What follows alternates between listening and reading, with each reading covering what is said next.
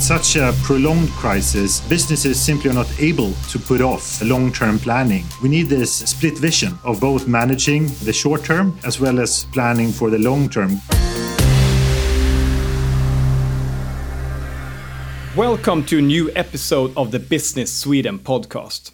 Today we're going to talk about doing business in a post pandemic world. Today we're going to talk about the new business landscape. My name is Christopher Schöttqvist and I'm hosting this episode from a small isolated conference room in Stockholm. It's the 18th of November, it's raining outside, and I'm doing this podcast together with David Hallgren online from sunny Shanghai. David, I'm so glad we could do this together. Likewise, I'm very happy to join you here today, Christopher. And we have done this a few times now together, before in person. Now we're doing it online. And I'm very happy to join you from, from our office here in Shanghai today.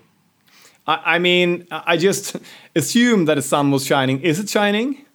It is. It's uh, 4 p.m. in the afternoon and the sun is shining. Great. David, for those who haven't met you, what's your position in Business Sweden and, and what you do on a daily basis? So I'm the head of our Asia Pacific region. I'm based in Shanghai and responsible for our 15 offices here in the region from India through China, South Korea, Japan, Southeast Asia, and Australia. And uh, before this, uh, I was the trade commissioner to China since 2016. So today we're going to talk about the future. However, lots of business leaders are on a lot of pressure right now coping with uh, new unexpected challenges every day, barely planning for tomorrow. But this episode is still about planning for the next decade. Why is that, David? You're absolutely right. As you said, we're recording this on uh, November 18th. We're still uh, very much in the middle of the pandemic. And priority one for many companies is, still their employees' safety, making sure that business can, can run and really survive this crisis. However, with, with such a prolonged crisis, uh, businesses simply are not able to put off uh, long term planning. We need this uh, split vision of both managing uh, the short term as well as planning for the long term, grappling with some of those typical strategic questions that you do uh, to make the necessary investments and bets to come out of this stronger. Many companies now during the fall are both doing their strategic planning and their budgeting period for the next year. So planning is sort of non-optional. You have to do it at the same time. And that's why we initiated this work to explore uh, what we chose to call uh, the new business landscape and what that will look like for the coming decade, the 2020s. We have now run many workshops to explore these questions, and I think it, it's resonating really well uh, with management teams and business leaders to, to structure some of these challenging questions at a time like this. Uh, what are really the important uh, questions to consider as they develop their strategies? So, so, it has been really fun to discuss these questions, get their input, revise and refine uh, our thinking, uh, but also to see it being translated into action. What are some of the initiatives uh, and, and, strategies that are being accelerated and changed as a result of understanding and, and, coming to terms with some of these important changes that are happening. So, during this podcast episode today, we are gonna go through some of the conclusions in the report. Uh, we're gonna have some updates from how your organization at Business Sweden approached this and uh, give some insights or some perspectives to the planning that every company needs to do now to be ahead in the future. So, so let, let's start with the big pictures here. What are the key messages, David? Well, to simplify things, I would say that there are three key messages really. First is that uh, the scale and the impact of this crisis means that it will have long lasting effects and it will uh, change the course or pace accelerating or decelerating a number of trends that were in motion already before the pandemic, and thus requires a, a rethinking, really, of strategies and priorities for many companies. So, the two other key messages really follow from the conclusions of that first message. So, the second one is about this realization and acceptance of uh, growing uncertainty and volatility. And with that comes a need to figure out how to operate a business in such an environment. And we see two main tactics uh, being employed there. Uh, one is to improve the uh, ability to quickly adapt to changes. The other is to build resilience uh, to better withstand changes. And then the third message is that despite this uncertainty, there are some changes that can be anticipated. As the famous cliche goes, uh, skate to where the puck is going, not where it has been. Uh, we see this set of transformations uh, and trends that companies should grapple with and explore how they affect them, uh, what changes to the strategies that are necessary uh, to capture opportunities or mitigate new risks. And the importance of each transformation and trend varies from company to company.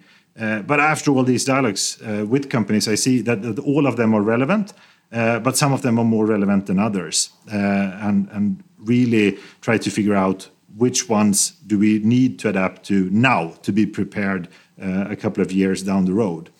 Uh, and of course, these three uh, key messages all require more nuance and detail. So, so, really looking forward to go deeper with you today. Yes, and I mean, in the beginning of this pandemic, we were all hoping for this to pass in a couple of weeks, and we would go back to this normal state. But but almost a year later, we can clearly see that many industries will never go back to what it used to be referred as normal. So, so how, from your perspective, I know that you have a couple of different scenarios. When will the world GDP recover? And, what are your take on that? So we believe that we can, of course, uh, speculate and forecast and, and, do estimates on that, and we are doing that. But even more important than setting a specific date for it, we think, as, as you indicated, that, that scenario planning is really necessary here to think through a couple of different uh, scenarios for how that could play out. One is an optimistic scenario where we, over the next one to two years, see the world uh, catching back up more or less uh, as a whole, thanks to to uh, the development and rollout uh, of a vaccine, uh, lifting of restrictions, uh, job markets coming back, people getting employment again, and the overall business sentiment picking up. So that would be a positive scenario, but it will still take years to get back to even where we were in, in 2019. And as we will come back to, it will look very different for different markets. Uh, but as a whole, uh, that that would be the case. Then, of course, unfortunately, we should also consider more negative scenarios we should not discount the fact that there could be issues with uh, the efficacy or the ability to roll out uh, the vaccine. We could see additional crises such as uh, financial crisis uh, in the wake of the pandemic, increased debt levels having be, being built up from from stimulus measures and trying to, to manage the crisis. We could see uh, new crises such as geopolitical conflicts and, and new trade conflicts uh, coming in, as, in, in the wake of this. Uh, that would, of course, prolong uh, the recovery uh, for probably for, for another couple of years. And, and it, it's important to consider all these different options uh, already now. Yes. So, optimistically, uh, the recovery will take about two years or something, and and then we have a scenario which is more like five, six years or something. What do we need to consider more, David?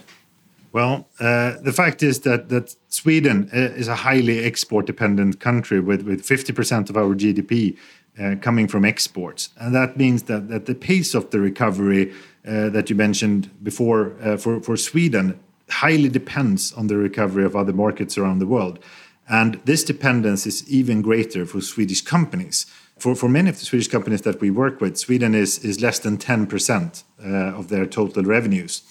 And, and we need to, to understand that we're facing a very multi speed recovery with great differences between various markets.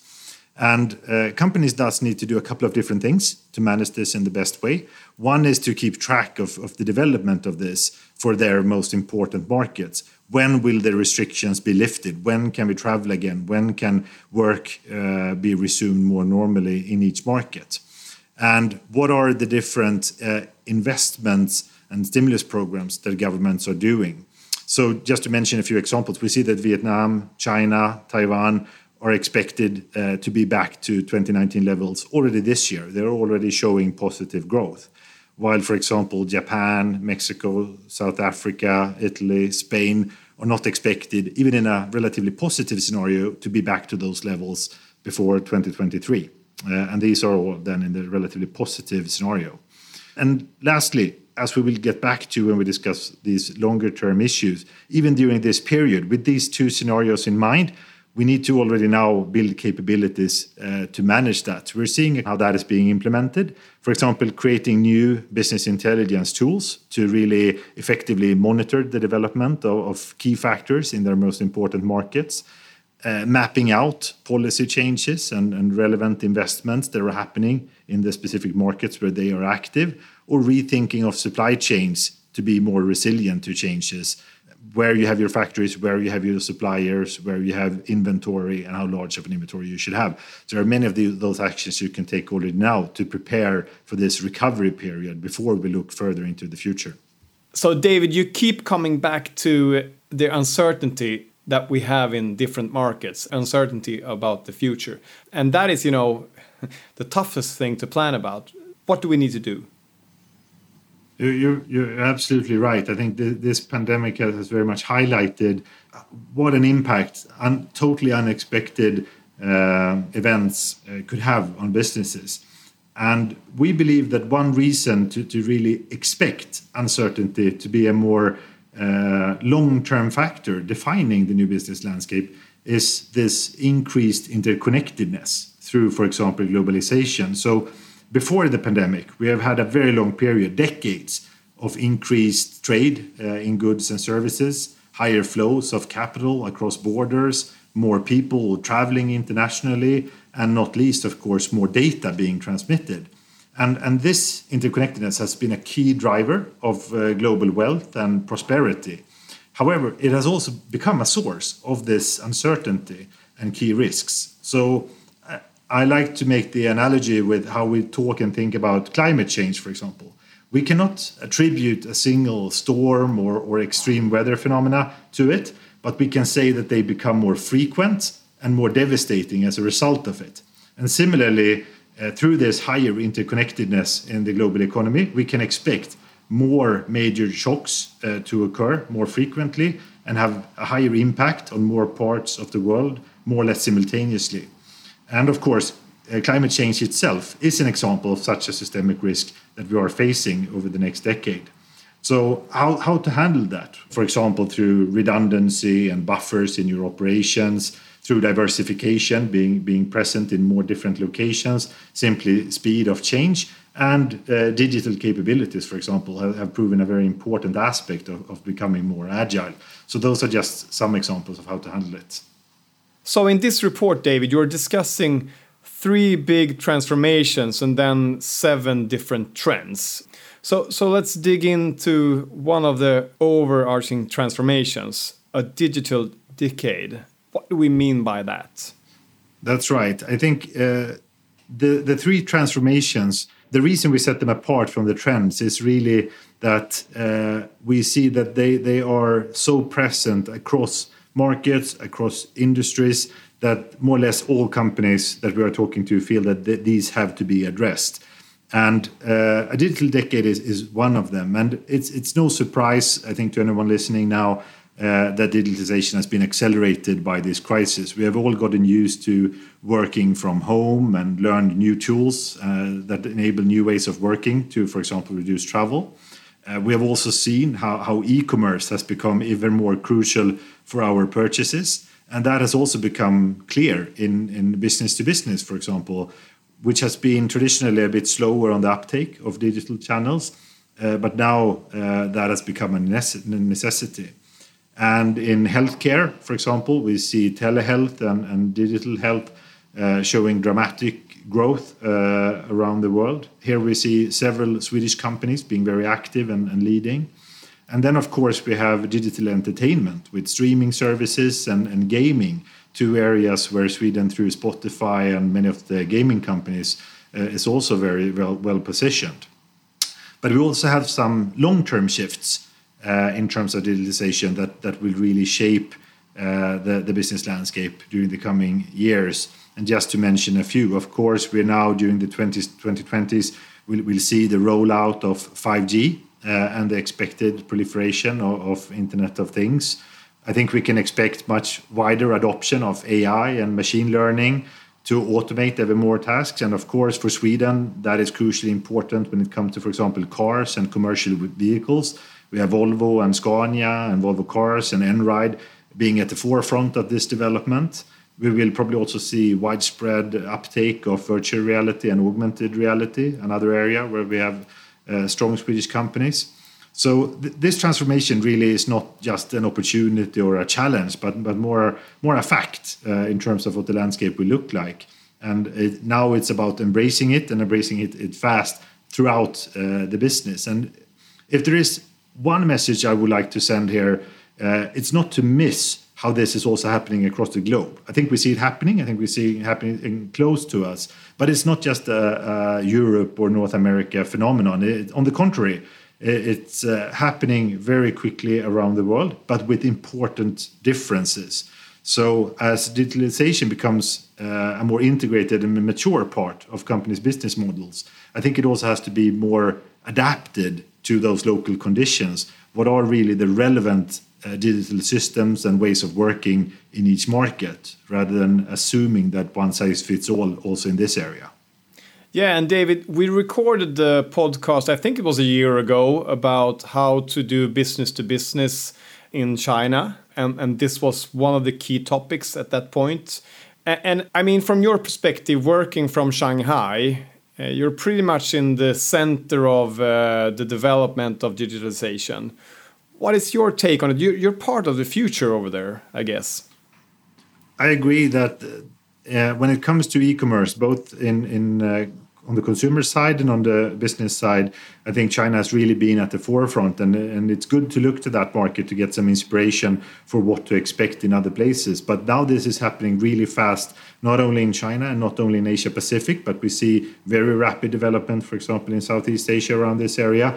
But the pandemic has accelerated that and forced uh, some old uh, truths to be challenged uh, also in Europe and North America. How you, as a as a business, do procurement or how you sell to other enterprise cu uh, customers, both in how you get leverage on your experts when you now don't have to have them travel around the globe. Instead, you can really have them reach all your customers in new ways. But you're also forced to do both marketing and and sales uh, through digital channels in, in new ways. So while while it's good to look to how companies have tried to adapt to that in China, I think now suddenly you have to adapt to that uh, more or less across the world. So let's move into the next transformation that you're discussing in this report, the sustainability action. That's true. Uh, we really hope that that we will see this decade of sustainable action, and and I sometimes say that that this is as much a hope as it is a, a real outcome of the analysis because we, we truly uh, believe now that we need to see uh, a dramatic shift towards more sustainable solutions across markets and industries over the coming decade. Uh, sustainability related targets and plans and, and, strategies have certainly been important for a while, uh, but now it needs to be ever more um, uh, present uh, throughout the businesses. And there are, there are a few reasons to believe that larger shifts will occur now. One is simply that there are now many different agreements and commitments and targets that require action to happen soon. Everything from the Paris Agreement, where we might uh, see the US rejoin now, uh, to China's recent announcements of setting deadlines for, for carbon neutrality. And another reason is around energy. This decade, we are likely to see actually renewable energy sources becoming cost competitive with fossil fuels. Uh, which could be further accelerated by by wider use of, of putting a price on carbon and higher prices on that. Uh, the third uh, example could be around uh, electrification of transports, where again a lot is happening fast and Swedish companies are at the forefront of that. But we also believe that sustainable action will be accelerated from the crisis itself. I think the lockdown showed that behavioral change is not enough for us to meet our targets when it comes to emissions. We need to see uh, wider changes than that. And we see, for example, a green transition being a, a, key part of the stimulus programs and government investments that take place at the wake uh, of the crisis. And I think the pandemic is also, in and of itself, a demonstration of what can be achieved at scale when we all, all gather forces and focus on addressing those, those common challenges. And, and again, all of these are highly relevant to Swedish companies and they are well positioned. They have leading solutions uh, when it comes to having sustainable solutions. And now, hopefully, we will increasingly also have buyers ready uh, to take on those uh, challenges to meet the targets that they themselves have set up. This is obviously a big challenge for companies that needs to do great investments and when to do those investments. If they're too slow, they will be out of business. If they're too fast, the prices will be pretty much too high. What is your take on that? I think with uh, the reasons we said before why we believe that sustainable action will be accelerated over the coming decade, I think really the time to do a lot of those investments are now. Uh, to prepare for that, to be to be ready and well positioned for it, and I think we we are very pleased to see many Swedish companies really doing that. Uh, so, of course, using the transport sector uh, as an example, we have seen now uh, electrified vehicles being launched by many of the leading Swedish companies in that area.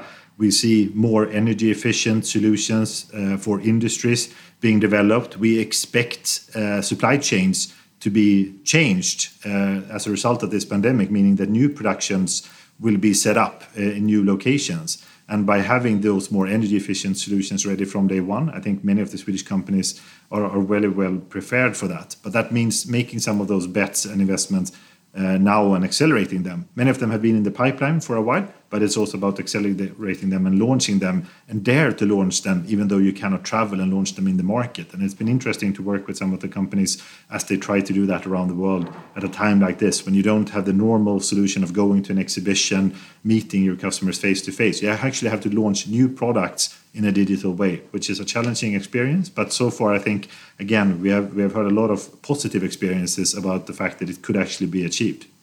So, talking about innovation, the third big transformation you're discussing in this report is uh, reinventing innovation. What is your take on that? That's true, reinventing or rethinking innovation. And uh, uh, the reason uh, for, for that is, of course, that uh, in, innovation has been at the very forefront of what Swedish companies are pushing, and Sweden is consistently ranked very high on innovation indexes. But in, in surveys with business leaders across the world, we see that, that a very small fraction, around 6%, are happy with their innovation performance, while a vast majority, 80% plus, see it as critical to their success and to avoid disruption. And, and we think that right now, many companies for, for the coming 10 years then will need to restructure how they do innovation and, and uh, three different examples of, of how they need to do that. One is to make it more global. Uh, we already have uh, an increasing share uh, of um, uh, the Swedish company's business uh, in further away markets, and that means also doing more innovation closer to where your customers is, but also closer to where talent is. For example, Asia Pacific, where myself is based, now see roughly 50% of all global R&D spend taking place here. And we, of course, have increasingly uh, larger groups of talents graduating from universities here. So, if you want to take part in that innovation, it's about spreading it more widely across markets. The second aspect is to do it more in ecosystems, innovating with partners, innovating through ventures with startups and SMEs and your suppliers and your customers, and doing less of it in house. So, it's a slightly different mode of innovation. And the third aspect, again, infusing a little bit of digitalization here, we see software being a bigger part of innovation. We see now that software and services is now a majority of innovation spend for many companies, but that happens with a very different timeline and cycle than traditional product innovation. So that need also forces a rethink of how you do innovation. So, so all of those aspects uh, really means that uh, it it has been important from before, and it, but it remains important and in new ways. So that's why we believe that is the third transformation across industries and markets during the coming decade. Let's talk a little bit about the seven trends that you are discussing in the report. The first one is shifting points of gravity. It's about uh, seeing the world in a new way. That's right. These trends, as I said, are, are of varying importance for, for varying companies some of them are more more on a macro level and one of those is this shifting points of gravity where we see this long-term trend of uh, increased growth in new markets being accelerated really uh, by the pandemic. And a very concrete example of that is, for example, Swedish exports uh, this year. Sweden, through January through August, where we have numbers available today in, November, fell from around 1,000 billion Swedish krona to 926 billion. So roughly almost 80 billion SEK lower than, than the same period last year, or 8%. But if we look at how that looks for different regions, we see that Europe is declining, Americas is more or less flat, and Asia is actually growing even in a year like this. And for example, Swedish exports to China has been going up with, with double digits in a year like this. So this accelerated shift to where growth is taking place and which markets are more important than others.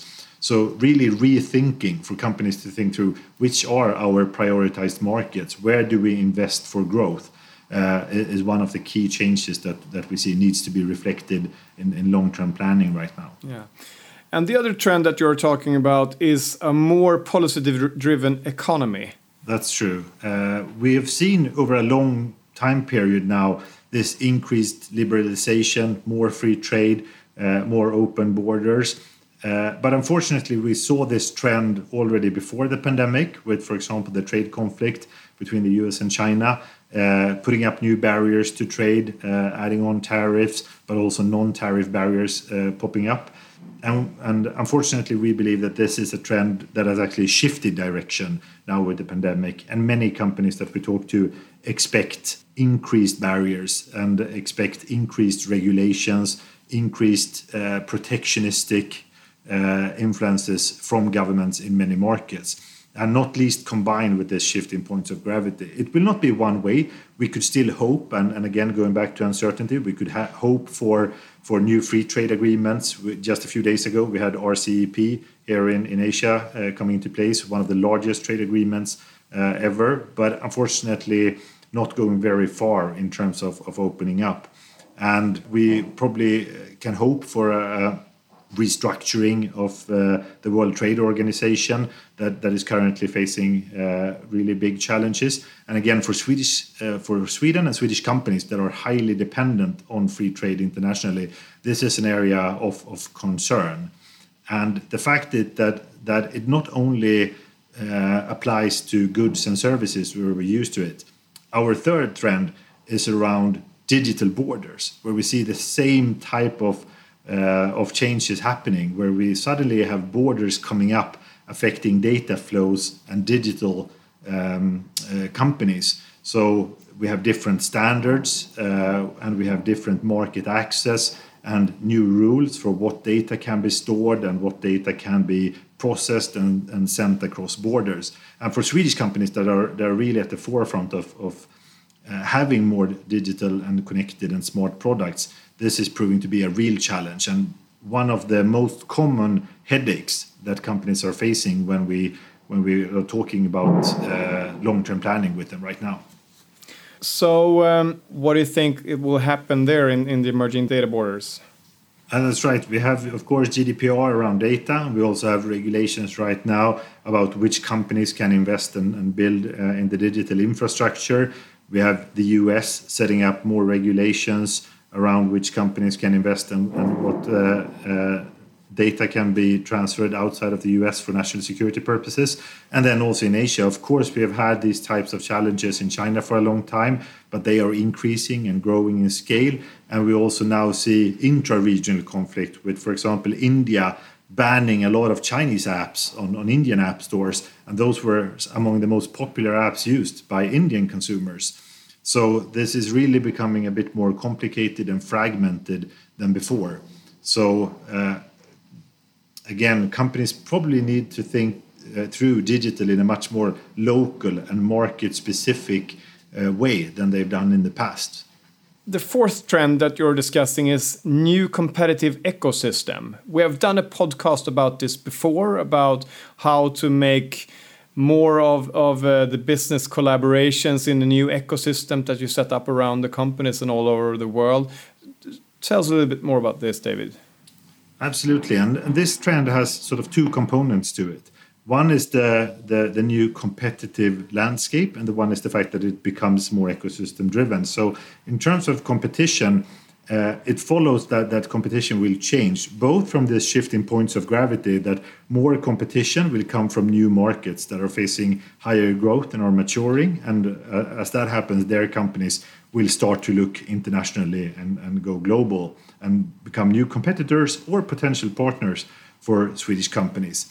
But it, it is also about how well you cope with this crisis. And here we see a couple of different um, uh, ways in how that play out one is that uh, the large, uh, stable companies with solid balance sheets are able to manage the crisis better, whereas the smaller companies are, are more struggling and are not able to, to manage the crisis as well.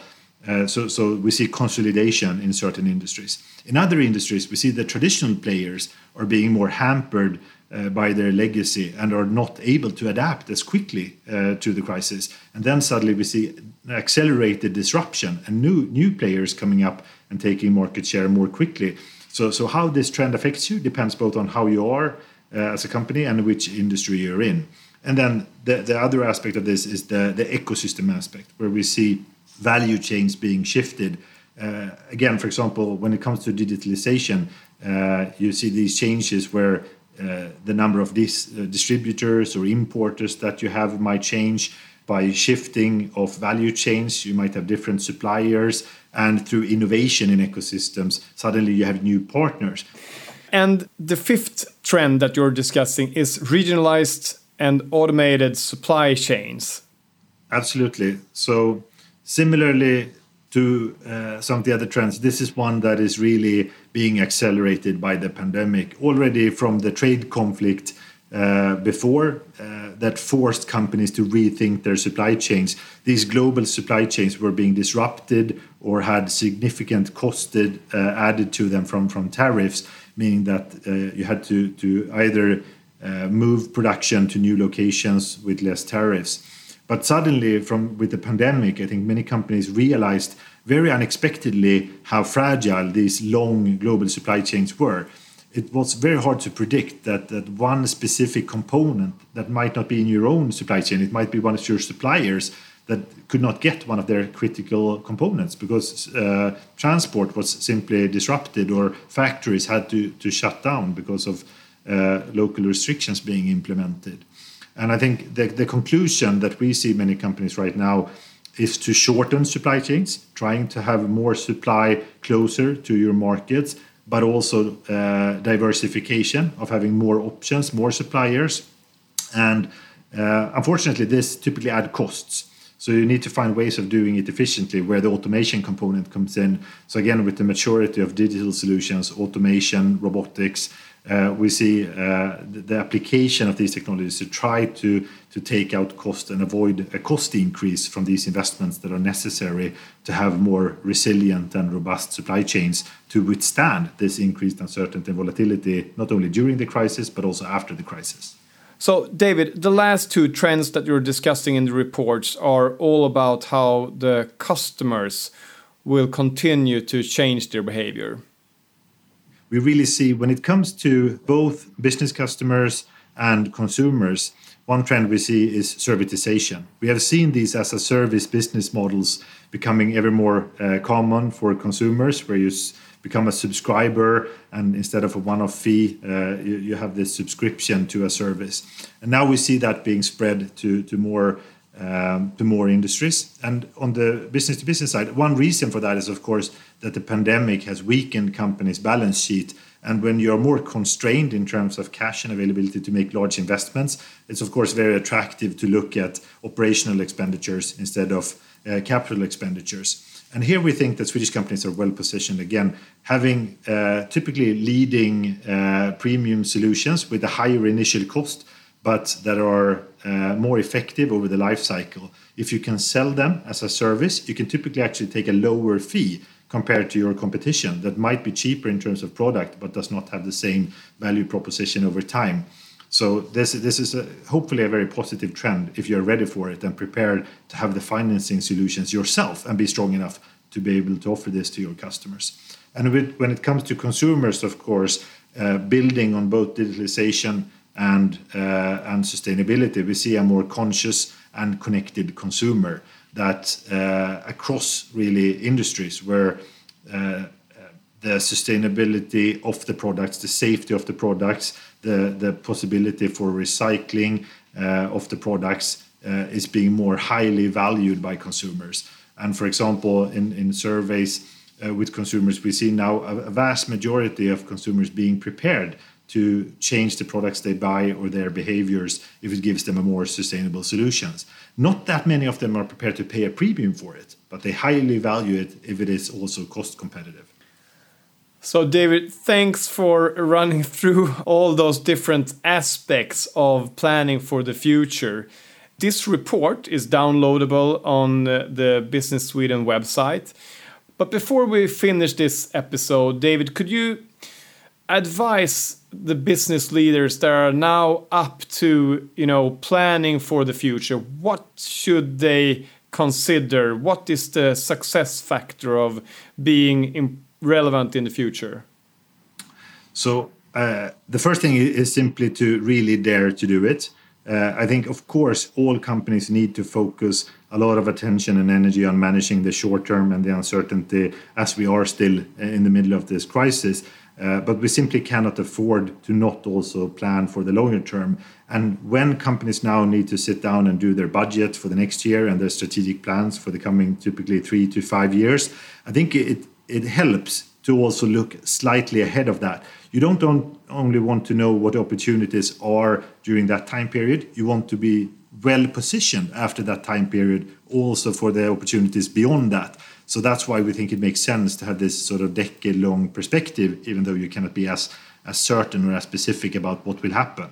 So to be able to, to do that, it's about uh, preparing for uncertainty, employ scenario planning, don't try to guess which scenario is most likely and plan for that. Instead, play out the different scenarios and explore what would this mean for us and if that comes to pass, what would we wish we would have done differently today? And then you can explore can you already do some of them today? Or should you at least develop plans so that when you start to see which scenario is coming, you already have the game plan ready and you can move faster than the others?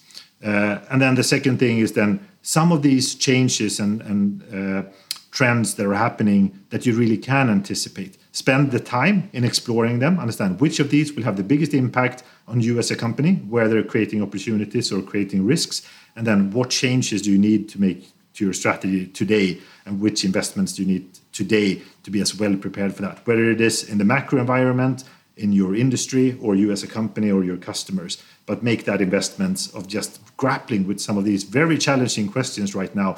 But at the same time, it, it's it's it's fun, and I think companies really enjoy thinking through these questions. Even though we're in the middle of this pandemic, we also need to think about life beyond it. So, so that's my main recommendation. So, David, listening to you during this podcast, I, I feel a little bit more optimistic. Actually, do you feel the same thing, David? I'm very happy to hear that. And if uh, I, in any way, can can impart some optimism, it's uh, simply due to the fact that I feel that optimism uh, in engaging with Swedish companies struggling with these questions because I think many of them are well positioned. If you're prepared to to make the investments and, and take the time to really think through what this means, uh, Swedish companies are, are, great in, in being well positioned to win in this new business landscape. It will not be easy, but it's definitely possible. So, uh, if I seem optimistic, it's due to the Swedish companies being optimistic. Yeah, okay, great. So, so if I want to know more about this report or get in touch with Business Sweden, what do I do? Uh, I recommend people to go to our website, business-sweden.com, download the report. There are also some related articles with more information, and there is contact information, whether you want to talk to a specific market or a specific region or uh, industry experts. Uh, all the contact information is available there, and we would be happy to talk to you. So, David, thank you for spending the time with us here today. And it's always so inspiring talking to you and getting all this knowledge and all those perspectives on business. Thank you, David, and uh, stay safe. Likewise, thank you, Christopher. And even though how well it worked to talk like this today, I hope to see you soon in person.